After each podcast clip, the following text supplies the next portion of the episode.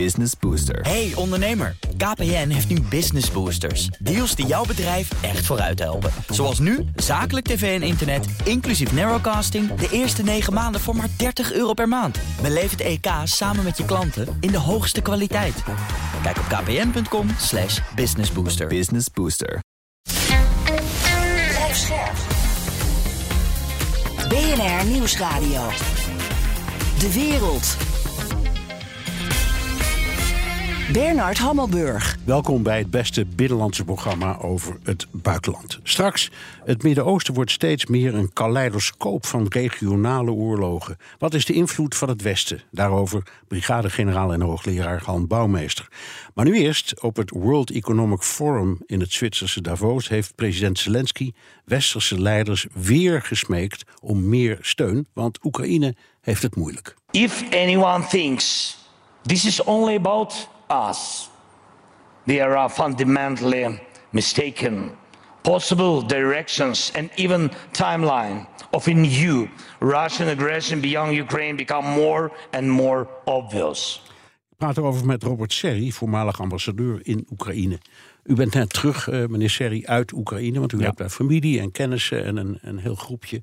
Eh, in, in een dagboek dat u bijhoudt op de website van Raam op Rusland lazen we dat het precies in de periode viel van de heftige luchtaanvallen rondom de feestdagen. Hoe hebt u het allemaal beleefd?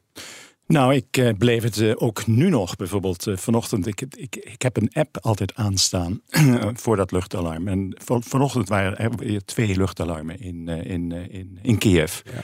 Vorig jaar 6000 luchtalarmen hè, die er geweest zijn. beseft u even wat dat betekent voor, voor de bevolking. Als ze elke keer naar de schuilkelder zouden gaan, dan ja, dan zijn ze meer van hun tijd in de schuilkelder. Dat doen ze dus niet. Gelukkig is Keer, kan ik u zeggen, nog redelijk goed beschermd. Eh, toen ik eh, dus die, die, die, tweede grote luchtaanval meemaakte, vlak na het uh, nieuwe jaar op 2 januari ja, toen kwam er een uh, inslag heel dicht bij, bij ons huis ook, bij onze flat. Hè, in een uh, appartementsgebouw in Pechersk. Dat is een historische wijk in het centrum van, van Kiev. Maar ik voelde me gelukkig beschermd door Patriot-systemen... die toen iets van 80 raketten hè, uit de lucht hebben gehaald. Ja. Maar ik vroeg me wel af, hoe lang nog als onze steun uitblijft? Ja, um, en die is aan slijtage onderhevig. Uh, ja. ook, al, ook, al, proberen we nog zoveel. Hoe kijken de Oekraïners daarnaar? En nou ja, hoe kijkt uw eigen familie en uw vriendenkring daar tegenaan? Nou ja, uh, ze kunnen zich eigenlijk bijna niet voorstellen dat wij niet begrijpen wat de gevolgen zullen zijn, ook voor ons, mocht Oekraïne verliezen. En ik moet u zelf zeggen, dat, uh, dat besef is er ook denk ik nog te weinig hier bij ons. Laat ik u het volgende scenario even schetsen. Mocht Oekraïne verliezen, en dat is niet uh, niet meer theoretisch. Uh, als, we, als bijvoorbeeld de, de, Amerikaanse hulp nu uitblijft in de komende weken, dan hebben de, uh, de Oekraïners nog minder granaten te, af te vuren. Op dit moment is het al zo dat, er maar twee, dat zij zijn gerantsoeneerd op zo'n 2000 granaten per dag. En dat de Russen dus vijfmaal meer op, op Oekraïnse doelen aan het lange front afvuren. Stel nou eens even voor dat, dat Oekraïne het niet, niet houdt. Ja, dan ben ik er zelf, ik zelf het twijfel er niet aan dat Poetin dan gaat rammelen aan de poorten van Europa. Dat kan hij doen door bijvoorbeeld grensincidenten uit te lokken in de Baltische landen of in Finland. En stelt u dan eens voor dat op dat moment Trump uh, president is uh, geworden in, uh, in, in Amerika. Hoe hard blijft dan nog ons artikel 5? U weet wel dat artikel 5 dat aanval, aanval op één en aanval, aanval op allen is. Ja. Um, ik heb het gevoel dat u artikel 5 naar ons toe gooit. Geert-Jan Haan, die hier in de studio staat, en ik. Uh, want het is een heel droevig uh, scenario. Dat nou ja, ik, ik zeg niet dat dit nou het scenario is. Maar we moeten ons dat realiseren ja. als wij het nu niet volhouden. Heeft Poetin nu het initiatief in deze oorlog? Hij heeft het initiatief op dit moment meer dan de Oekraïners. Ook daar moeten we niet te te negatief over die Oekraïners zijn. Ze zijn er wel in geslaagd om de Zwarte Zeevloot min of meer te neutraliseren. Er is een corridor nu hè, voor, de, voor de graan. Hè, en, eh, en, en eh, vandaag nog eh, begrijp ik dat in Sint-Petersburg met een Oekraïnse drone kennelijk een, een, een, een olieterminaal in brand is gevlogen. Dus ze, ze blijven het zelf volhouden. Ze hebben ook geen keus. Maar wij moeten beseffen wat het betekent als wij ze nu niet zouden ja, blijven. Wilt u een beetje meer in de microfoon ja, praten? Ja, ja bedankt. Um, uh, wij hebben onszelf steeds maar wijsgemaakt, als ik het zo mag zeggen, dat Oekraïne toch echt een goede kans heeft om te winnen. Um, is die hoop aan het vervliegen? Is dat gewoon niet realistisch? Nou, ik heb. eh, Kijk, dat optimisme dat heb ik ook wel gemerkt in, eh, in Kiev zelf. Dat heeft een flinke deuk gekregen, ook bij de Oekraïners eh, zelf. En zelf heb ik het ook altijd niet heel erg realistisch gevonden dat elke centimeter eh, grondgebied eerst moet worden heroverd voordat deze oorlog tot een, eh, tot een eind komt. Zelf geloof ik dat op een gegeven moment deze oorlog zal eindigen in een nieuwe padstelling. Eh, een, een, een soort Oost-West-Duitsland, eh, tijdelijke verdeling van, eh, van, eh, van, van Oekraïne. Dat is natuurlijk een bittere pil voor de Oekraïners. En dat kunnen ze ook alleen maar aanvaarden als ze op dat moment sterk genoeg zijn. En wat dat betreft is het heel belangrijk dat wat bijvoorbeeld Engeland nu gedaan heeft, als eerste, het Verenigd Koninkrijk, heeft een veiligheidsovereenkomst afgesloten met, eh, met Oekraïne. Ik begrijp dat Macron, als hij in februari naar Oekraïne komt, dat ook gaat doen. Denk dat wij, Nederland, dat voorbeeld ook zullen moeten volgen. Dan maak je van Oekraïne een sterke eh, Israëlische egel aan de oostflank van, eh, van Europa. Die steeds meer zelf eh, voor zijn veiligheid kan, en, en vrijheid kan zorg dragen. Dat is heel belangrijk. Maar wat betekent het concreet als je zo'n afspraak maakt? Wat, Dat betekent concreet dat je langjarig dus militaire steun gaat leveren. je- materieel. materieel, maar dat je ook de eigen Oekraïnse defensieindustrie gaat, eh, gaat steunen. En dat je ook NAVO-lidmaatschap na afloop van de oorlog zult steunen. Ja. ja, dus het is e- echt iets concreets. Ik kan me voorstellen dat je zegt, nou ja, dat doet, dat doet Engeland doet dat nu en, en misschien Frankrijk. Maar dat je dat ook neerlegt bij eh, de Europese Unie. En zegt, kunnen we dat dan niet met z'n allen? Ja, dat zou ook kunnen. Ja. Eh, de Europese Unie speelt al een rol. Eh, Wat ik ook heel belangrijk vind is dat die Franse eh, eurocommissaris bijvoorbeeld heeft voorgesteld dat er 100 eh, miljard vrijgemaakt wordt voor de eigen Europese defensieindustrie. Om die ook. dat heeft allemaal te maken met wat de consequenties voor ons zijn van deze oorlog. Ja. Dat moeten we ons echt beter gaan beseffen. Ja. En beter beseffen ik, ik heb het altijd over eh, artikel 97 van de grondwet wat dat betreft. Er staan twee dingen in. Dat is de landsverdediging en, en eh, het helpen ehm, toezien op de internationale rechtsorde. Mhm. Dat zijn mi- missies. Maar het eerste deel is je eigen landsverdediging. En, en ik begrijp dat als, als er iets gebeurt, dan hebben we niks of veel te weinig. Nou ja, dat, eh, ik, ik, ik hoop dat dat meevalt. Maar dat het beter moet, is duidelijk. Oké. Geert-Jan Haan is eh, bij aangeschoven in de studio, onze Europa-verslaggever. Ik kreeg al artikel 5 naar mijn hoofd gegooid door Ja, jou. ja, ja. Dus ik eh, ben even gaan bukken. Nu ben ik er. Ja, je bent lang en je staat weer. Wil het even hebben over eh, oorlog en vrede in Oekraïne. Eh, of dat nou wel of niet lukt. Laten we beginnen in Davos. Ehm, want daar staat het op het programma. Daar is eh, Zelensky. Ja. Wat wil Oekraïne? Nou, er is een vredesformule, een tienpuntenplan van Zelensky. Heeft hij eind eh, 2022 gepresenteerd. eh, Met het idee dat als er ooit vrede komt, dat dat dan zoveel mogelijk volgens Oekraïns droombeeld gecreëerd wordt. En op basis van soevereiniteit bijvoorbeeld, maar ook met elementen als voedselzekerheid, energieveiligheid. ehm, je mag geen kinderen ontvoeren. En dat zijn punten waar je dus in essentie niet op tegen kan zijn. En daarom schuiven veel landen aan. Daarom zijn er veel overleggen. Maar Zelensky is op dit punt een klein beetje zijn, met een modern woord, zijn mojo kwijt of zijn momentum kwijt omdat de buitenwereld dit volgens mij niet echt snapt. Ik denk dat meneer Serri dit vanuit zijn eh, ervaring in het circuit hartstikke goed begrijpt. Maar je hebt het dus over vier toppen die er tot nu toe zijn geweest over vrede. Eentje in Kopenhagen, eentje in Jeddah, eentje op Malta en dus eentje in Davos. Maar het is geen vredestop. En Rusland zit er niet bij. En China is maar één keer geweest. En er zitten eigenlijk alleen maar, pardon my French, onderknuppels aan tafel. Dus de veiligheidsadviseurs. Eén keertje ging het op het niveau van ministers van Buitenlandse Zaken. Dus die vredesformule, het effect daarvan is een beetje weg. Het is een goed principe, maar de buitenwereld snapt het niet. Dus daar moet op een of andere manier wel nieuw elan in Ja, komen. jij zegt vaak dat Oekraïne soms succes boekt, maar dat dat voor de publieke opinie niet helpt. Ja. Ehm, wat zijn die successen en waarom zijn die successen niet genoeg? Nou, dit, is een voorbeeld, eh, wat ik nu zeg van die vredesformule, eh, van, van wat ik niet, niet nu al een succes noem, maar wel een poging tot. En Oekraïne is op ontzettend veel borden aan het schaken. Eh, meneer Serri had het al over de graandeal. De volumes van Oekraïne lijken bijna terug te gaan naar een vooroorlogsniveau. Zo goed gaat het nu met de scheepvaart. Dat is ontzettend knap. De Zwarte Zeevloot is weggejaagd. We hebben spannende acties met zeedrones gezien bij de Krim. We hebben aanvallen op Russisch grondgebied. En waar we het vanochtend nog over hadden, Bernard, uh, belangrijke uh, uh, patrouillevliegtuigen van Rusland, die worden uitgeschakeld, waardoor de luchtmacht van Rusland ook weer een beetje lijkt terug te deinsen. Maar het lukt Oekraïne niet, en ik weet niet of je ze dat kwalijk kan nemen, maar om die successen te extrapoleren naar eigenlijk hun fameuze leus, namelijk geef ons de wapens en dan klaren wij de klus. Zij doen dat dan wel, maar wij willen ze eigenlijk vanuit het Westen alleen maar wapens geven als ze ook echt terreinwinst boeken. Dat is het enige wat wij eigenlijk onder succes lijken te uh, scharen. En dat ze succes boeken ter zee of, of in de lucht, dat wordt als mooi meegenomen beschouwd. Maar wij zien niet dat ze het front aan het shapen zijn, aan het vormgeven voor een grotere aanval die ze op dit moment nog niet met succes kunnen boeken. En dat is natuurlijk heel lastig als de tijd dringt, als je allerlei Trumpisten in Amerika moet overtuigen van meer geld.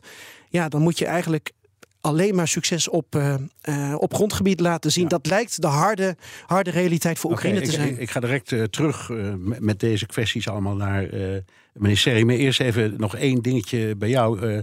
We hebben het over Davos gehad, succes, mislukking aan het front enzovoort. Er wordt gesproken over een opdeling van Oekraïne. Wat is jouw kijk daarop? De afgelopen dagen heb ik rond zitten bellen, militaire historici. Het woord deling en ik neem het niemand kwalijk, maar is eigenlijk een misleidende. Ik denk dat we gewoon moeten spreken van een annexatie zoals dat met de Krim is gebeurd. Want het is een vrij unieke, krankzinnige situatie die zich nu voordoet. Als er gesproken wordt over een potentieel ijzeren gordijn in Oekraïne. Uh, als er wordt gesproken over dat Oekraïne bepaalde delen van het land niet meer terug gaat krijgen, dan hebben we de volgende situatie. Dan moet er ergens een contactlijn komen. Maar dan hebben we dus een de facto en een de jure situatie. Nou ja, jullie weten wat dat betekent. Dus feitelijk beheert ja, maar... Rusland een deel van de grond van Oekraïne, maar de internationale gemeenschap erkent dat niet. Gek genoeg is er een Russische grondwet die zegt. Wij bezitten de hele Donbass. Wij bezitten heel Gerson. Wij bezitten heel Zaporizhia. Terwijl ze daar geen voet aan de grond hebben. Dat is zo'n unieke situatie dat het ongelooflijk lastig is om nu al te spreken over een, een deling van Oekraïne en hoe dat dan ook uh, vorm moet krijgen. Dus, en Oekraïne zal nooit een muur toestaan. Nee, okay. Dat is hoe ik op dit moment naar nou, kijk. Meneer Sherry, een hele hoop krijgt u daar. Ja. ik zou zeggen. Uh, los het op, alstublieft. Ja, los het op. nou, even over, die, over het laatste wat, uh, wat u gezegd hebt. Um, een deling, ik noemde het net ook even een deling. Uh, naar, naar Duits voorbeeld. Naar Duits voorbeeld. Ja. Uh, we weten ook wat daar gebeurd is. Ja, er is een, je, moet dan een dikke muur gebouwd. Ja, maar het is uiteindelijk is Duitsland herenigd. Dus wat ik dan ook uh, hoop en denk is dat terwijl dus de internationale gemeenschap en Oekraïne zelf natuurlijk nooit het verlies van het grondgebied zal accepteren dat je dan moet, op, op moet gaan denken aan het Poetlin van na Rusland dat er misschien andere tijden gaan aanbreken in Rusland. En dat op dat moment dan uh, dus uh, het misschien wel weer mogelijk wordt hè, dat Oekraïne, dat ook die delen van Oekraïne herenigd worden. Ik wil daar trouwens niet te optimistisch over zijn. Nee, dat begrijp ik. Maar, maar dan praten we over de, de opvolger ik, van de opvolger van de opvolger van Poetin. Ja, maar nu, ja. ik, ik ben er zelf dus verschillende malen in Oekraïne geweest. Ik weet hoe dit volk leidt. Ik wil niet dat dit volk zo lang door blijft lijden. Als, als, als er zoveel meer slachtoffers moeten, moeten vallen in deze, in deze dan vrij zinloze oorlog. Als dat tegenoffensief gewoon niet meer realistisch is. Nee. En daar ben ik ook even reagerend op wat Geert-Jan gezegd heeft. Ja, ik ben niet optimistisch over een tegenoffensief dit jaar. Ik denk dat het meer een actieve verdediging wordt van Oekraïne dit ja. jaar. En dan, dan moeten we daar blij mee zijn. En we zijn natuurlijk te laat geweest met het leveren van de wapens die nodig waren vorig jaar om een succesvol tegenoffensief te leveren. Dat heeft alles te maken met onze vrees voor uh, escalatie uh, van het conflict, mogelijk zelfs een nucleaire uh, escalatie. Daardoor zijn we eigenlijk bang geweest om dit conflict te kunnen winnen. Ja. Dus de fout ligt ook bij ons. Ja. Als we bijvoorbeeld wel sneller ja. hadden besloten tot levering van, ik noem maar wat, ja. lange afstandswapens, dan zag ja. het er nu heel anders uit. Ja. Um, wat kunnen wij doen, of wat kan de wereld doen? Wat moet er gebeuren om Oekraïne wel echt te helpen? Nou, even nog over Davos. Dus dat, ja. dat, dat, dat tienpuntenplan, dat gaat echt niet de weg plaveien naar, naar vredesonderhandelingen. Want het is gebaseerd op die Oekraïnse overwinningsstrategie. Ja. Het is wel belangrijk dat er een coalitie van landen is die Oekraïne in gerechtvaardigde vredesverlangens blijft steunen. Maar Davos was ook een economische conferentie. En wat, uh, wat uh, Zelensky daar ook gedaan heeft, hij heeft gepleit voor meer reconstructiehulp. En daar ben ik het zo mee eens. U weet dat ik voor Open Door Ukraine daar ook heel erg bij betrokken ben geraakt.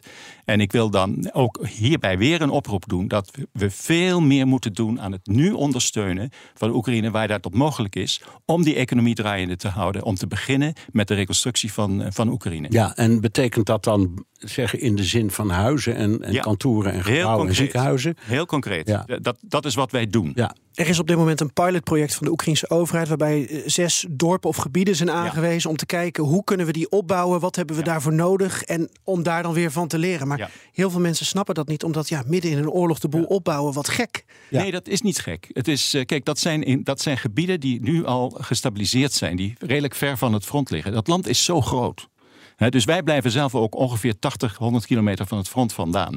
Maar daarachter moet je helpen. Moet je de mensen ook daar houden. We willen toch niet dat nog meer Oekraïners naar ons toe komen. Vandaar dat die reconstructie, die vroege reconstructie, nu zo belangrijk is. Oké. Okay. Uh, Europa-verslaggever Geert-Jan Haan, dank je wel voor je bijdrage. Dit is BNR De Wereld. Mijn gast is Robert Serri, voormalig ambassadeur in Oekraïne, maar ook voormalig vredesverzant voor de VN in het Midden-Oosten. This morning, Pakistan undertook a series of highly coordinated and specifically targeted precision military strikes against terrorist hideouts in Sistano-Balochistan province of Iran. Ja, dat was een Pakistaanse regeringswoordvoerder, uh, meneer Seri. is een ingewikkelde zaak. Uh, er laait nu, denk ik, zo moet ik het zeggen, opnieuw een oorlog op die potentieel al heel lang duurt tussen Iran en Pakistan. Ja. Um, wat is hier nou toch aan de hand? Nou ja, ik denk niet dat, dat het echt zal uh, uitleiden tot een oorlog nu tussen Iran en Pakistan.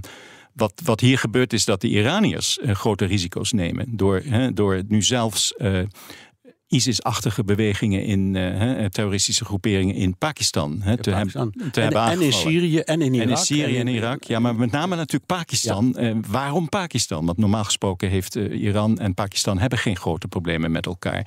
En, en Iran heeft dus ook uitgelokt dat er dus een tegenreactie kwam, kwam van, van Pakistan. Het geeft wel aan dat een ongeluk in een klein hoekje kan liggen hè, bij dit conflict in het Midden-Oosten. Dus in termen van, van escalatie.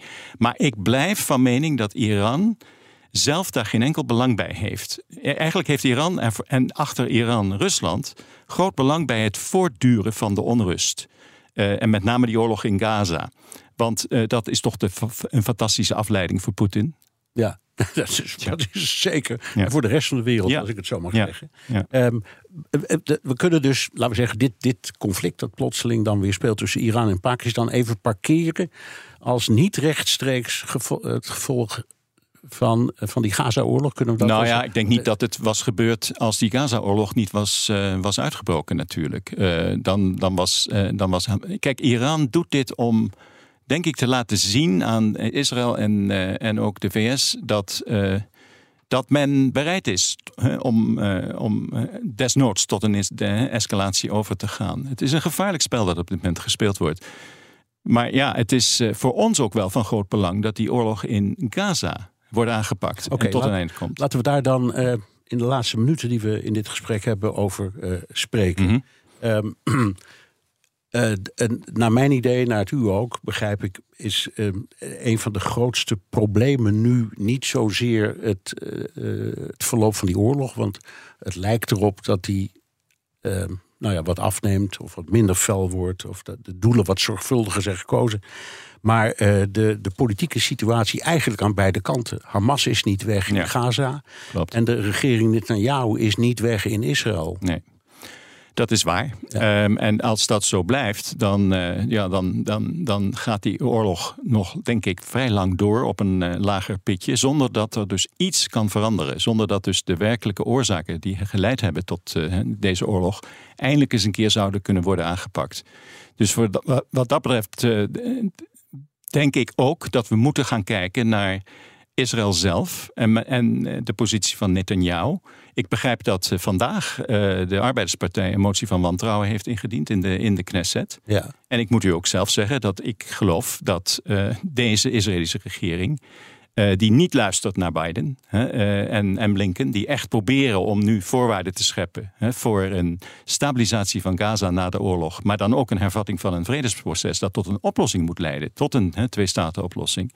Ja, daar wil hij nog steeds niks van weten. Nee, dat zegt hij ook. Ja. Um, nou, hoe die uh, motie van wantrouwen afloopt, moeten we zien. Het is in, afval, in zoverre is het bemoedigend dat het een democratische stap is in een land in een crisis. Hè? Ja. Dus er, wordt, uh, niet, nou, er is geen uh, koep of zoiets nee. dergelijks. Alleen, dat zou dan leiden tot nieuwe verkiezingen, neem ik aan. Ik zou Ja. niet weten hoe het anders moet. En dat duurt altijd heel lang. Dat is net als bij ons. Het is Ja. een coalitiesysteem. Ja. Ehm, dus hoe ziet u dat? Gesteld nou dat Netanyahu zelfs op dit moment nou zou zeggen... oké, ik zie in dat ik beter kan terugtreden. Mhm. Eh, en mijn kabinet moet meenemen... en dan moet er maar, moet maar een andere eh, oplossing komen. Wat, hoe ziet u dat voor zich? Nou ja, het is inderdaad heel moeilijk eh, om, om, om ook verkiezingen te, te organiseren terwijl je in feite in oorlog bent. Hè, met ook nog steeds het escalatiegevaar in het noorden. Eh, maar eh, als het tot eh, verkiezingen zou komen in Israël, dan verwacht ik wel dat er een andere regering daarna komt. Ja. Waarschijnlijk met Gans, hè, die dus op dit moment tot de regering van Nationale Eenheid is toegetreden. Als de winnaar van die, van die verkiezingen. Ik denk dat er echt wel verschuivingen komen in, in Israël zelf dan. En die zijn dan wel hoopgevend om de, de Gaza-oorlog te beëindigen op een manier dat we niet terugkeren naar de status quo ante. Nee, nee. Ik, ik hoor eh, van de mensen met wie ik spreek eh, twee dingen. Eh, Mhm. De meeste Israëliërs delen uw mening dat Netanyahu nu echt op Ja. moet hoepelen. Maar ze zeggen het allerbelangrijkste is en blijft de kwestie van de Ja, gijzelaars. natuurlijk. Ja. Er komt ook geen einde aan de oorlog zonder dat die, eh, die gijzelaars, hoe dan ook, en we hopen natuurlijk allemaal levend, hè, eh, terug zijn. Ja. Maar dat is een van de dingen die, eh, hè, die, die natuurlijk ook nog steeds spelen. Ja, Ja. het is verschrikkelijk. Ja, u hebt zelf in deze configuratie een aantal keren onderhandeld tussen Ja. Gaza en Israël, tussen Israëliërs en Palestijnen. Ehm, als we u nou terugsturen, hoe pakt u het aan? Nou, eh, ik, eh, ik heb heel veel sympathie voor eh, Sigrid Kaag. Die, dus niet ja, voor maar, dat, die, maar die, moet, die, die ziet echt toe op het, op het, op Nou, het, nee, op- ik denk, de dat hulp. haar, ik denk dat haar rol juist ook. Kijk, zij, ik denk dat zij dat ook wel beseft. Dat zonder een politieke oplossing, zonder dus die, die verbinding die gelegd moet worden tussen de stabilisatie van Gaza, dat is dan haar concrete taak met reconstructie, maar ook die binding naar het vredesproces, heeft haar missie ook geen kans van slagen. Ik, eh, wij kennen elkaar goed en ik heb haar beloofd haar ook een beetje te helpen. Ehm, eh, op uw vraag wil ik liever op dit moment geen antwoord geven, want het Nee, is inderdaad zo gecompliceerd. Kom het alsjeblieft vertellen. En ik, Ja. ik zeg het omdat eh, Blinken, die van de week ben vergeten waar, een persconferentie gaf. Ik ben vergeten met wie. Maar in ieder geval hield een hele lange inleiding. Die ging voor een groot deel over ehm eh, Sigrid Kaag. Mhm. En ook hij zei, ik ben dolblij dat die vrouw terug is in deze Ja, regio. het is niet alleen Want daar- daarmee kunnen we Ja, wat. het is niet alleen Nederland dat eh, erop heeft aangedrongen. Natuurlijk onze eigen premier Rutte. Maar ik weet dat de Amerikanen haar heel graag wilden in deze rol. Ja. Dank Robert Serri, voormalig vredesverzant in het Midden-Oosten namens de VN en oud-ambassadeur in Oekraïne. Dank u wel. Business Booster. Hey ondernemer, KPN heeft nu Business Boosters. Deals die jouw bedrijf echt vooruit helpen. Zoals nu, zakelijk tv en internet, inclusief narrowcasting... de eerste 9 maanden voor maar 30 euro per maand. Beleef het EK samen met je klanten in de hoogste kwaliteit. Kijk op kpn.com slash businessbooster. Business Booster. Hardlopen, dat is goed voor je.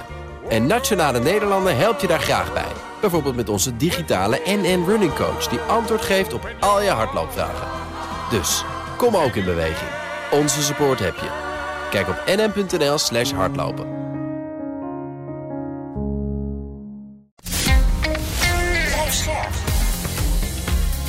BNR Nieuwsradio. De wereld. Bernard Hammelburg. De Houthi-rebellen leggen de wapens nog niet neer. En ook in Irak, Syrië, Libanon en Pakistan worden de gevolgen van de Gaza-oorlog steeds zichtbaarder. This is a global challenge. We're talking about a vital armor, artery of global commerce. uh, a critical maritime choke point uh, that's being held hostage. Dat was Jake Sullivan, de nationaal veiligheidsadviseur van president Biden. Ik praat erover met Han Bouwmeester, brigadegeneraal en hoogleraar militaire operationele wetenschappen aan de Nederlandse Defensie Academie. Welkom, fijn je weer te zien. Goedemiddag. Ja, we, hebben- we hebben afgesproken elkaar te tutoyeren, want dat doen we eigenlijk altijd. En het maakt het ietsje minder deftig. Maar eh, we weten dat je generaal bent en hoogleraar. En dat zeg ik nog een keer met nadruk. Eh, we hebben afgesproken voor deze uitzending dat we eigenlijk een soort van eh, rondje maken over al die conflicten die nu overal in het, in het Midden-Oosten uitbarsten. Na 7 oktober, hè, de dag van die vreselijke pogrom van eh, Hamas. Komt het voor jou als een verrassing dat, dat je nu overal in die hele regio oorlogjes en, en, en onrust ziet? Nee, eerlijk gezegd niet. Ehm 7 oktober kwam wel als een verrassing. eh, want we wisten niet precies wanneer dat zou gebeuren. Maar het was een soort kruidvat en daar moest een lont ingestoken worden. En je ziet nu langzamerhand dat dat eh, tot, tot de ontploffing komt. En dan noemen we dat met een mooi woord. eh, de artilleristen noemen dat zo. Sympathische detonatie. Dus de ene explosie veroorzaakt de andere explosie. Ja, maar het zijn dingen die allerlei kanten uitgaan, nou, allerlei kanten uitschieten. Ik wil geen grappen maken, maar toch een beetje. Ehm, de Houthis, die zijn gaan schieten op westerse schepen. ehm, eh, in, in, in, de, in de Rode Zee. En ze zeiden dat doen we uit protest eh, tegen wat Israël doet in Gaza. Eh, maar het, eh, de, de, de schepen die getroffen werden hadden niet of nauwelijks te maken met Israël of met het probleem. Het Westen heeft inmiddels toeges- terug, teruggeslagen eh, en bombardeert nu ook. En dat is toch echt een hele stap volgens mij. Ja. Niet alleen maar, schiet niet alleen maar aankomende raketten uit de lucht of, of drones, maar bombardeert de, de lanceerrichtingen in Jemen. Ja. Dat is toch een heel ding. Ja, wat we hier zien is een verregaande vorm van een afschrikkingsstrategie. En daar zitten we eigenlijk nog steeds in. Eh, en een afschrikkingsstrategie, eh, als je niet oppast, gaat dat over in een gewapend conflict. En eh, die scheidslijn, juridisch is die te maken. Maar als we kijken, ook vanuit militair oogpunt, is dat vaak heel lastig aan te geven. Waar gaan we nou over van het ene naar het andere? Afschrikkingsstrategie, hè, dat probeer je aanvankelijk. ehm, nou ja, met alle vormen van communicatie. Dat kan zijn met gesproken woord, dat kan zijn met berichten. Maar dat kan ook zijn met troepenverplaatsingen. Want in feite op strategisch eh, niveau ben je dan ook aan het communiceren. Hè. Je, je roept een beeld op bij je opponent om te zeggen... doe dat niet, want ik heb hier nu troepen klaarstaan. Maar je houdt het binnen de perken. Er wordt nog geen geweld gebruikt. Eh, een stap verder, wat we dan in vaktermen compellence noemen... echt afdwingen. Dan kan het zijn van als je nou niet ophoudt, dan eh, ga ik ingrijpen. En dan kan het ook zomaar zijn dat je een klap moet uitdelen. Dus een, een aanval moet eh, lanceren. Dat zagen we afgelopen vrijdag. Hè, dat de Amerikanen en de Britten dat hebben gedaan. Maar die proberen dat nog steeds binnen de perken te houden. Ja. Je ziet dat de Houthis daardoor niet stoppen. Nee, in tegendeel. Wellicht zelfs... Nee, in tegendeel. Die Nee, zeggen, die zeggen prima, ga je gang maar, die- want wij hebben nog meer in huis. Die gaan waarschijnlijk nog, hè, zijn ze nog meer gemotiveerd geraakt. En, en die gaan nu teruggrijpen. Ja, hoe lang ga je daarmee doorgaan? Want de afschrikkingseffecten zijn eigenlijk nu wel zo'n beetje uitgespeeld. Ja, en ik heb niet de indruk dat ze al echt afgeschrikt zijn. Nee. Afgeschrokken zijn. Ehm, Biden heeft ook een tijd lang getwijfeld. De Israëliërs bijvoorbeeld, die riepen al meteen... je moet gewoon die lanceerrichtingen wegschieten. Dan, dat, is, dat helpt. En Biden zei dan steeds tegen Israëliërs... en ik denk ook anderen in, in die regio... dat doe ik liever niet. Want dat lijkt dan toch wel heel veel op een oorlogsdaad. Of het lijkt er heel veel op dat Amerika nou plotseling... weer met een land in het Midden-Oosten in oorlog is. Dat, dat is misschien wetenschappelijk of technisch niet helemaal correct, zoals ik het nu zeg. Maar zo speelt het wel, toch? Ja, daar, Biden eh, is zich denk ik wel bewust en ondersteund ook door een sterke Amerikaanse staf, militairen, en maar ook wel eh, intellectuelen en experts, die eh, hebben gezegd van eh, als je een, af, een, een afschrikkingsstrategie wilt gaan toepassen, eh, een van de voorwaarden is, hè, ehm, je, je moet geloofwaardig overkomen. Dus als je iets zegt en toezegt van als je niet ophoudt, dan sla ik toe, dan moet je dat ook een keer doen. Want anders ben je niet echt geloofwaardig. Een tweede is, is dat je goed communiceert. Alles wat je doet, moet je ook weten dat je opponent begrijpt wat je aan het doen bent. Eh, en daar, gaat het, daar loopt het nog wel eens spaak. Ja. Nou, wat dat betreft zijn de Amerikanen wel duidelijk geweest. De Britten trouwens. Hè. Er, is, er is geen... Ze zijn heel duidelijk geweest, maar eh, waarschijnlijk heeft toch, hebben de Houthis dit anders opgepakt. En gezegd van, nou ja, dit is een aanval op ons, wij gaan weer terugslaan. Ja. Ehm, ja, en als je dan niet oppast, dan kom je eigenlijk in zo'n neerwaartse spiraal. Dan is het geen afschrikking meer, maar dan ga je langzamerhand over naar een gewapend conflict toe. Ja. Ehm, eerder eh, deze week zagen we ook aanvallen eh, van Iran op Irak en op Syrië. En toen kwam er plotseling ook een aanval van Pakistan op Iran. En daarop weer een aanval van Iran op Pakistan. Wat zien we hier gebeuren? Ja, we moeten even een klein beetje de zaak afpellen. Waar begint het eigenlijk? Hè? Ehm, eerst even het grote plaatje uitleggen. Ehm, we zien nu een aantal partijen. Ehm, de, de leider van Hezbollah.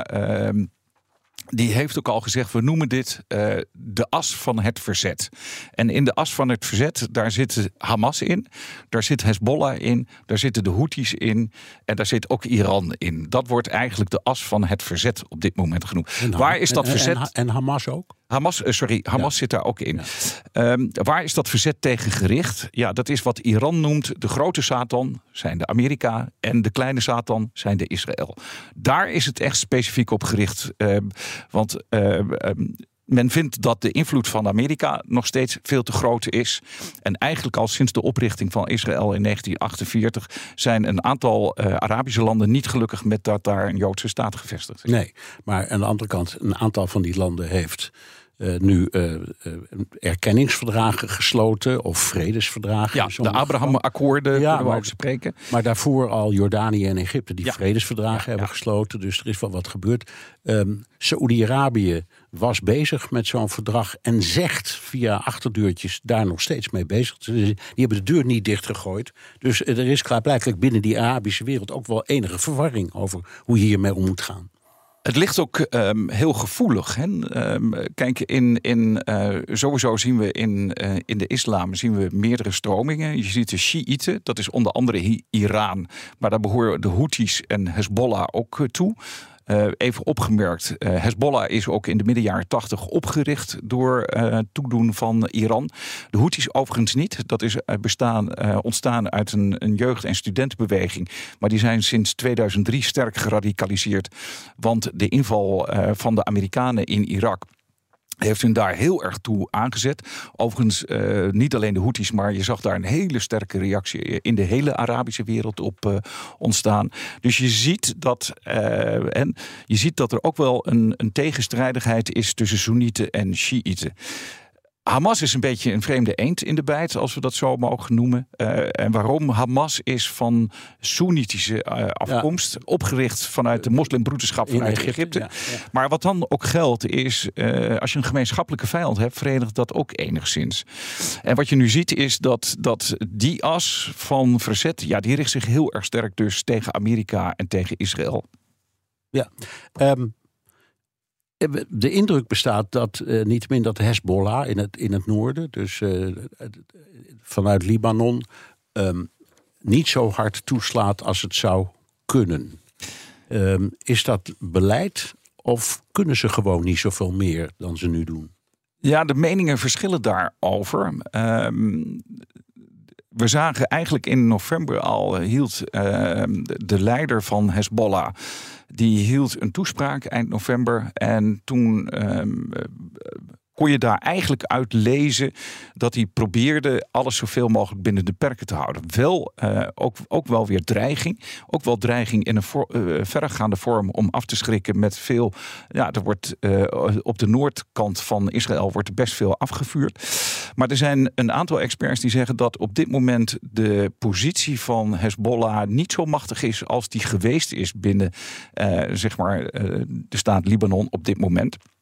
En dat tast toch een beetje de positie van Hezbollah in aan. En ik vermoed dat daarom ook wat voorzichtiger gemanoeuvreerd wordt. Dit is BNR De Wereld. Mijn gast is brigadegeneraal Han Bouwmeester, hoogleraar militaire opera- operationele wetenschappen aan de Nederlandse Defensieacademie. we need to focus on the war in Gaza not because of the Red Sea. We need to focus on the war in Gaza because of its impact on the Palestinians first, but on regional security in general and on the risks that it poses for further uh, escalation. We need to do more. Clearly, not enough uh, has been uh, done because the killing continues and the suffering continues. Dat was de minister van Buitenlandse Zaken van Saoedi-Arabië. Wat spreken die mensen voortreffelijk Engels altijd, hè? Ja, mooi om te horen. Ja. Uh, van dat land horen we niet zoveel. Terwijl zij juist heel veel last hebben van die Houthi-rebellen. Sterker nog, in, in, ik meen in 22 of zo, 2020, is er een enorm bombardement geweest op een olieinstallatie in ja. Saudi-Arabië. Nou, dus Saudi-Arabië ja. heeft lange oorlog gevoerd met uh, de Houthi-rebellen. Met name dan in het westelijk deel van, van Jemen. Uh, eigenlijk in 2015 nam destijds daar de, de kroonprins uh, Mohammed bin Salman... die nam de beslissing, wij moeten daar ook gaan ingrijpen. Want het gaat niet goed bij ons zuidelijke buurland. Hij dacht dat hij dat vrij snel kon oplossen. Hij werd gesteund door Amerika, door het Westen. Kreeg heel veel um, vanuit Amerika wapens uh, geleverd daarvoor. Maar het was niet zomaar even, nee. om het zomaar te noemen, een walk-over. In 2022, zeven jaar later, is er toch uiteindelijk tussen de beide partijen een start het vuren gekomen. En er is een bestand nu sinds uh, 2023. En ik vermoed dat Saoedi-Arabië wel eventjes pas op de plaats maakt. Dus die bemoeit zich daar niet mee opmerkelijk wel, want Saoedi-Arabië wil als tegenstrever van Iran wil ook wel graag een voorname positie innemen, een leidinggevende positie in dat Midden-Oosten. En er zijn nog twee uh, staten, Bernard, wat opvallend is, die zich niet roeren in dit geheel. Het is Egypte, want Egypte wordt wel degelijk geraakt doordat er geen scheepvaart nu door de Rode Zee en door het Suezkanaal kan. Ja. Want uh, Egypte uh, heft daar doorvoergelden en die krijgen ze nu niet binnen. En, en um, er gaan zoiets uh, qua grote tankers en grote schepen, meer dan 20.000 schepen op jaarbasis doorheen. En dat levert uh, Egypte uh, miljarden op, die ze nu, nu, nu dus gaan mislopen. En er is nog een ander klein staartje, dat ligt aan de andere kant, Qatar. Qatar is de grote leverancier van vloeibaar aardgas. En Qatar heeft er ook baat bij dat de aardgas die zij levert aan Europa, dat die natuurlijk de meest korte weg kunnen gaan varen. En opmerkelijk is, is dat na Saudi-Arabië en uh, dus ook Egypte en Qatar zich nog niet heel erg duidelijk in die strijd gemengd. Nee, en waarom is dat? Ik denk dat ze zich afzijdig houden. Ik denk dat ze heel bang zijn om bewegingen te maken. Je ziet aan de ene kant dat ze toch een soort uh, Arabische verbondenheid met elkaar hebben. Aan de andere kant willen ze ook niet, uh, zien ze ook wel wat uh, Amerika, en gesteund onder andere door Groot-Brittannië. En we hebben natuurlijk zelf als Nederland ook deelgenomen aan de, en nemen ook deel ja, aan die en de Europese Unie is er nu En de ook. Europese Unie is er ook. Ik denk dat ze daar ook nog wel kei naar kijken. Van, um, dat is op veiligheidsgebied, maar ook op economisch gebied zijn dat toch ook wel handelspartners. Ja. Uh, ten slotte even uh, uh, kijken naar waar deze hele trits van nare gebeurtenissen mee is begonnen. Die vreselijke aanval op, op 7 oktober. Um, hoe staat het in jouw visie met de strijd tussen het Israëlische leger en Hamas? Ja, wat we nu zien is dat eigenlijk, en dat geeft Israël ook aan, uh, Israël trok vrij snel een lijn in Gaza, noordelijk deel, zuidelijk deel. Dat noordelijk deel is eigenlijk helemaal uh, schoongeveegd door Israël. Ik ga ervan uit dat het zowel op de grond is als ook de tunnelsystemen. Ja, ja. Ik las van de week nog, ook in de New York Times, dat Israël uh, verbaasd was, want ze hadden een inschatting gemaakt, 400 kilometer tunnels, maar dat dat misschien nog wel veel meer zijn. En daar werd zelfs gesproken over 700 kilometer tunnels. Dus ik vermoed dat Israël daar nu goed grip op heeft, dat deel. Ze zijn nu naar het zuiden toe. Um, ze vallen nu ook uh, de stad. Uh, uh, uh, uh, is, is eigenlijk grotendeels omsingeld en dat trekken ze ook naar binnen toe. Je ziet wel dat de intensiteit van de gevechten en de bombardementen aan het afnemen is. Uh, deels komt dat denk ik ook omdat Amerika druk blijft uitoefenen op Israël. Tempert dat nu, want het gaat, het, het uh, gaat ten koste van jullie eigen reputatie, zo die er al was. Een tweede is natuurlijk, uh, je ziet ook dat men ook wel aan het afbouwen is. Israël, als je kijkt naar het Israëlische leger, 160.000 militairen. Daarboven bovenop heeft men uh, vrij snel naar 7 oktober heeft men reservisten gemobiliseerd. 360.000 in totaal. Dat is een aanzienlijk iets. En dat moet je wel betalen. He, die mensen moet je voeden, die moet je laten slapen. En, en ik denk ook dat bedrijven kosteloos gesteld moeten worden. Maar wat het ook doet, is dat je arbeidskrachten onttrekt aan de arbeidsmarkt. Ja. En er zijn berekeningen over. En de, de vraag me niet de, de, details daarover. Maar ik begreep van economen dat er al becijferd was als, als dat een paar maanden duurt. Dat het bruto nationaal product met 8 tot 10 procent naar beneden gaat voor Israël. En dat ga je natuurlijk merken. Ja, En dus zeggen ze, die reservisten moeten in aanval weer zoveel mogelijk in de gewone samenleving terug. Ja, voor zover dat kan. Hè, want de dreiging blijft in het noorden aanwezig, Hezbollah. Aan de andere kant, het blijft ook spoken op de westelijke Jordaan-oever. En eh, er is nog een laatste hen, want we zien nu ook wel weer ook de aanvallen die Iran onder andere op Syrië en Irak heeft uitgevoerd. Weten we ook dat er nog steeds eh Sjiïtische eh, groeperingen eh, verwant aan Iran, dat die ar- daar actief zijn. En die kunnen ook een dreiging vormen, onder andere Israël belagen op de Golanhoogte. Ja, Israël bombardeert overigens daar regelmatig hè, op Ja. die groep. Het zijn meestal, denk ik, revolutionaire gardes. Eh, Ja, gardisten. da- da- daar, komen ze uit voort. Eh, de Islamitische Revolutionaire Garde. Dat is eigenlijk een vrij grote organisatie. Die, eh, het is de militaire tak die een, eh, een bepaalde vorm van buitenlands beleid uitvoert. Maar dan de hardhandige eh, vorm daarvan. Onder andere ehm, in, in Irak en ook in Syrië. Ja. Netanyahu heeft zich steeds op het standpunt gesteld... we stoppen niet voordat, bij wijze van spreken... iedere Hamas compleet is vernietigd. Dan hoor je van alle kanten, ja, dat kan niet. Dat gaat ook niet gebeuren. Eh, hij, staat ook onder druk van de Amerikanen. We hadden het er net ook al met eh, Robert Serri over... dat hij zelf nu ook... er is nu een motie van wantrouwen ingediend... in, het, in de Israëlische Knesset. Maar hoe zie je dat deze, dit, zeggen, dit militair-politieke complex... welke kant dat uitgaat? Ja, het heeft heel lang geduurd voordat eh, eigenlijk de regering van Israël eh, met uitspraken kwam van eh, waar willen we nou eigenlijk naartoe koersen. Toen heeft Netanyahu, die heeft eigenlijk pas een paar weken geleden, heeft hij in een opiniestuk in een Amerikaanse krant, ik dacht dat het de New York Times was, heeft hij geschreven wat zijn nou eigenlijk de drie eisen. Dat is de totale vernietiging van Hamas. De vraag is of Israël dat gaat lukken. Demilitarisering van de Gaza-strook. Dat zijn ze nu druk mee bezig natuurlijk. En de gijzelaars. De, de gijzelaars heeft hij eigenlijk niet genoemd, maar is wel een hele belangrijke factor. En nu komt hij, punt drie noemde hij de deradicalisering van Palestijnen. Nu vrees ik als je heel hard inzet op doelstelling 1 en 2, dat dat ten koste gaat van doelstelling 3. Dat je eigenlijk alleen maar meer mensen gefrustreerd raakt. En eh, dat die radicalisering alleen maar harder gaat intreden bij de Palestijnse mensen. Ja. Dus dat eh, is de weg niet. Nou, we zullen elkaar nog vaak spreken de komende weken en maanden. Dank, brigade-generaal Han Bouwmeester, hoogleraar militaire operatio- militair operationele wetenschappen aan de Nederlandse Defensieacademie. Postma in Amerika. Tijd voor het Amerikaanse nieuws door de ogen van onze correspondent in Washington, Jan Postma. Jan, de Trump-vleugel van de Republikeinse Partij wil dat Nikki Haley en Ron DeSantis zich terugtrekken uit de strijd.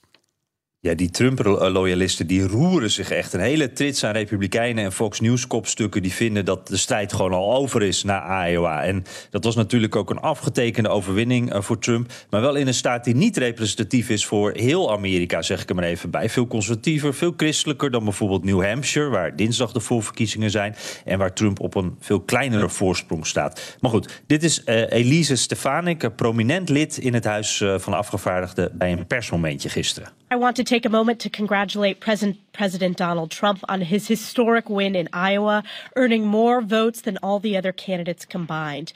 The people of Iowa spoke loudly and clearly, echoing the sentiment felt throughout the rest of the country. America is rallying in support of President Trump to save America and fire Joe Biden. Ja, en dit is het geluid wat wel eh, dominant is, ook op Fox eh, News bijvoorbeeld... en bij, bij andere Trump-loyalisten bij de Republikeinse Partij. Eh, dat is oprechte steun. Ze vinden, eh, veel vinden dit ook echt. Maar Trump neemt ook actief wraak op mensen die hem niet steunen. Dus dat is ook een reden om dit te zeggen. En Stefanik heeft nog een andere reden om zo loyaal te zijn. Trump schijnt haar te overwegen als running mate. Ja, Trump gaat ondertussen gewoon door met campagne voeren. En hij valt Nikki Haley nu aan op haar Indiase afkomst. Ja, gisteren ging Trump helemaal los eh, op sociale media. Hij noemde Haley daar eh, bij haar oorspronkelijke Indische of Indiase naam eh, Nimarata. Eh, Haley, Haley's ouders die emigreerden uit India en ze heette officieel Nimarata Nikki Randhawa. En eh, nou, ze heeft daarna toen ze getrouwd is de achternaam van haar man aangenomen en alleen de, na- de voornaam Nikki eh, eh, meegenomen. En eh, Trump benadrukt juist dus haar Indiase afkomst. En de boodschap daar is natuurlijk, zij is niet echt Amerikaans. En eh, toen ik dat las, toen moest ik even aan zondag denken. Toen was ik bij een Trump-rally in Iowa. En Trump was toen ook Nikki Haley aan het aanvallen. En toen begon hij ineens te mijmeren over Rush Limbaugh... eh, die, die vrij radicale conservatieve talk uh, radioster. En, en, en hoe die praten over Barack Obama. In 2016, she stabbed the Republican Party in the back by siding with a gentleman named Barack Hussein Obama. Remember Rush Limbaugh? He goes, ladies and gentlemen, is Rush uh, talking about Barack Hussein Obama. Barack, emphasis on Hussein Obama. Ja, dat, uh, dat, dat lijkt dus heel erg op elkaar. Het is maar een kleine stap naar uh, Nimarata en Nikki uh, Randawa dan. Trump gniffelt hier dus wat over Rush Limbaugh... die, die steeds expres Obama's tweede naam Hussein benadrukte. En dat was allemaal van die, onderdeel van die complottheorie... dat Obama ook geen Amerikaan zou zijn, geen president zou mogen zijn. En Trump was daar zelf natuurlijk de grootste verspreider van. En Haley krijgt nu dezelfde behandeling... inclusief beweringen dat zij niet voor het presidentschap kan gaan... omdat haar ouders illegaal zouden zijn geweest. En ja, ik, ik, kan niet in Trumps hoofd kijken natuurlijk, maar die berichtjes van gisteren, ik heb het gevoel dat hij ze daar zondag op dat podium bedacht, uh, dat het daar dus allemaal eventjes samenkomt. Ja, oké, even naar Ron DeSantis. Uh, de gouverneur van Florida, hè, ook belangrijke kandidaat, die moet ja. mensen ontslaan uit zijn campagneteam. Ja, de, de nummer twee in Iowa. Maar ja, we weten dat hij daar ook heel groot op heeft ingezet. En, en dat daar heel veel uh, van zijn geld en organisatie in is gaan zitten. En uh, we weten ook dat de inhoud van zijn kas eindig is. En nu, wordt de organisatie uh, flink opgeschud. En is al een x aantal mensen ontslagen. We weten niet hoeveel. maar het is nooit een goed teken. En, en DeSantis doet het in New Hampshire natuurlijk heel matig in de peilingen. En zijn tactiek is nu, terwijl we dus het hebben over ontslagen. En waarschijnlijk een, een slecht uh, uitslag voor hem. Uh, denkt hij, ik kijk al eventjes verder. Ik ga alvast naar South Carolina. Want dat is de thuisstaat van Nikki Haley. Kan hij haar al een beetje onder druk zetten.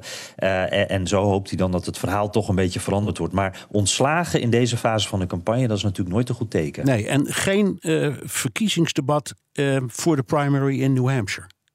Nee, Nikki Haley heeft gezegd: uh, jongens, ik heb er nu vijf gedaan. Eerst met een heleboel kandidaten. Het werden er steeds wat minder. Uiteindelijk bleef alleen Ron DeSantis over. Elke keer stond ik daar en Trump die komt nooit opdagen. Dus ik, ik kom nu pas als Trump ook komt. Uh, ja, toen bleef alleen nog Ron DeSantis over. Die had toegezegd. Uh, die, die staat zoals gezegd achter in de peilingen. Die heeft wel wat te winnen. Die wil ze graag laten zien. Maar ja, om die man nou met zichzelf in debat te laten gaan... dat wilden ze de kijkers toch ook niet aandoen. Dus het is gecanceld. En ja, ik denk dat weinig mensen in New Hampshire daar een traan om zullen laten. Want die debatten zonder Trump, die hebben we nou wel gezien, denk ik. Maar het deed mij denken aan een memorabel debatmoment uit 1980. Uh, dat was in New Hampshire uh, tussen Reagan en Bush. En dat debat zou georganiseerd worden door de lokale krant. Maar dat zou dan weer tegen regels zijn. Dat kon niet doorgaan. Toen heeft uiteindelijk de Reagan-campagne uh, besloten... wij be betalen dit debat wel, want we willen toch dat het doorgaat. En tijdens dat debat, uh, een van mijn favoriete debatmomentjes uh, hoor, raakt Reagan in discussie met de moderator, die zijn microfoon dicht wil schuiven. En ja, dat zorgt voor een klassieke uitspraak van Ronald Reagan. Would the sound man please turn Mr. Reagan's mic off for a minute? Is this on? Mr. Green, you turn that microphone? You asked for me if you would... I am paying for this microphone, Mr. Heerlijk, ja. hè? dat geschreeuw ook. Wat een verschil met die toch wat ja, ingetogen en saaie debatjes die we de laatste tijd hebben ja. gehad. I am paying for this microphone. En hij was acteur. Hè? Ja. Uh, dit komt uit de film State of the Union. Dus uh, de acteur citeerde hier even uit de film. Oké. Okay. Dankjewel, Jan Postma, correspondent in Washington. Wilt u meer horen over dit fascinerende land? Luister dan naar de Amerika-podcast van Jan en mij. En tot zover BNR De Wereld. Terugluisteren kan via de site, de app, Spotify of Apple Podcast. Reageren kan via een mailtje naar dewereld.bnr.nl. Tot volgende week. Hardlopen, dat is goed voor je. En Nationale Nederlanden helpt je daar graag bij. Bijvoorbeeld met onze digitale NN Running Coach... die antwoord geeft op al je hardloopvragen. Dus, kom ook in beweging. Onze support heb je. Kijk op nn.nl hardlopen.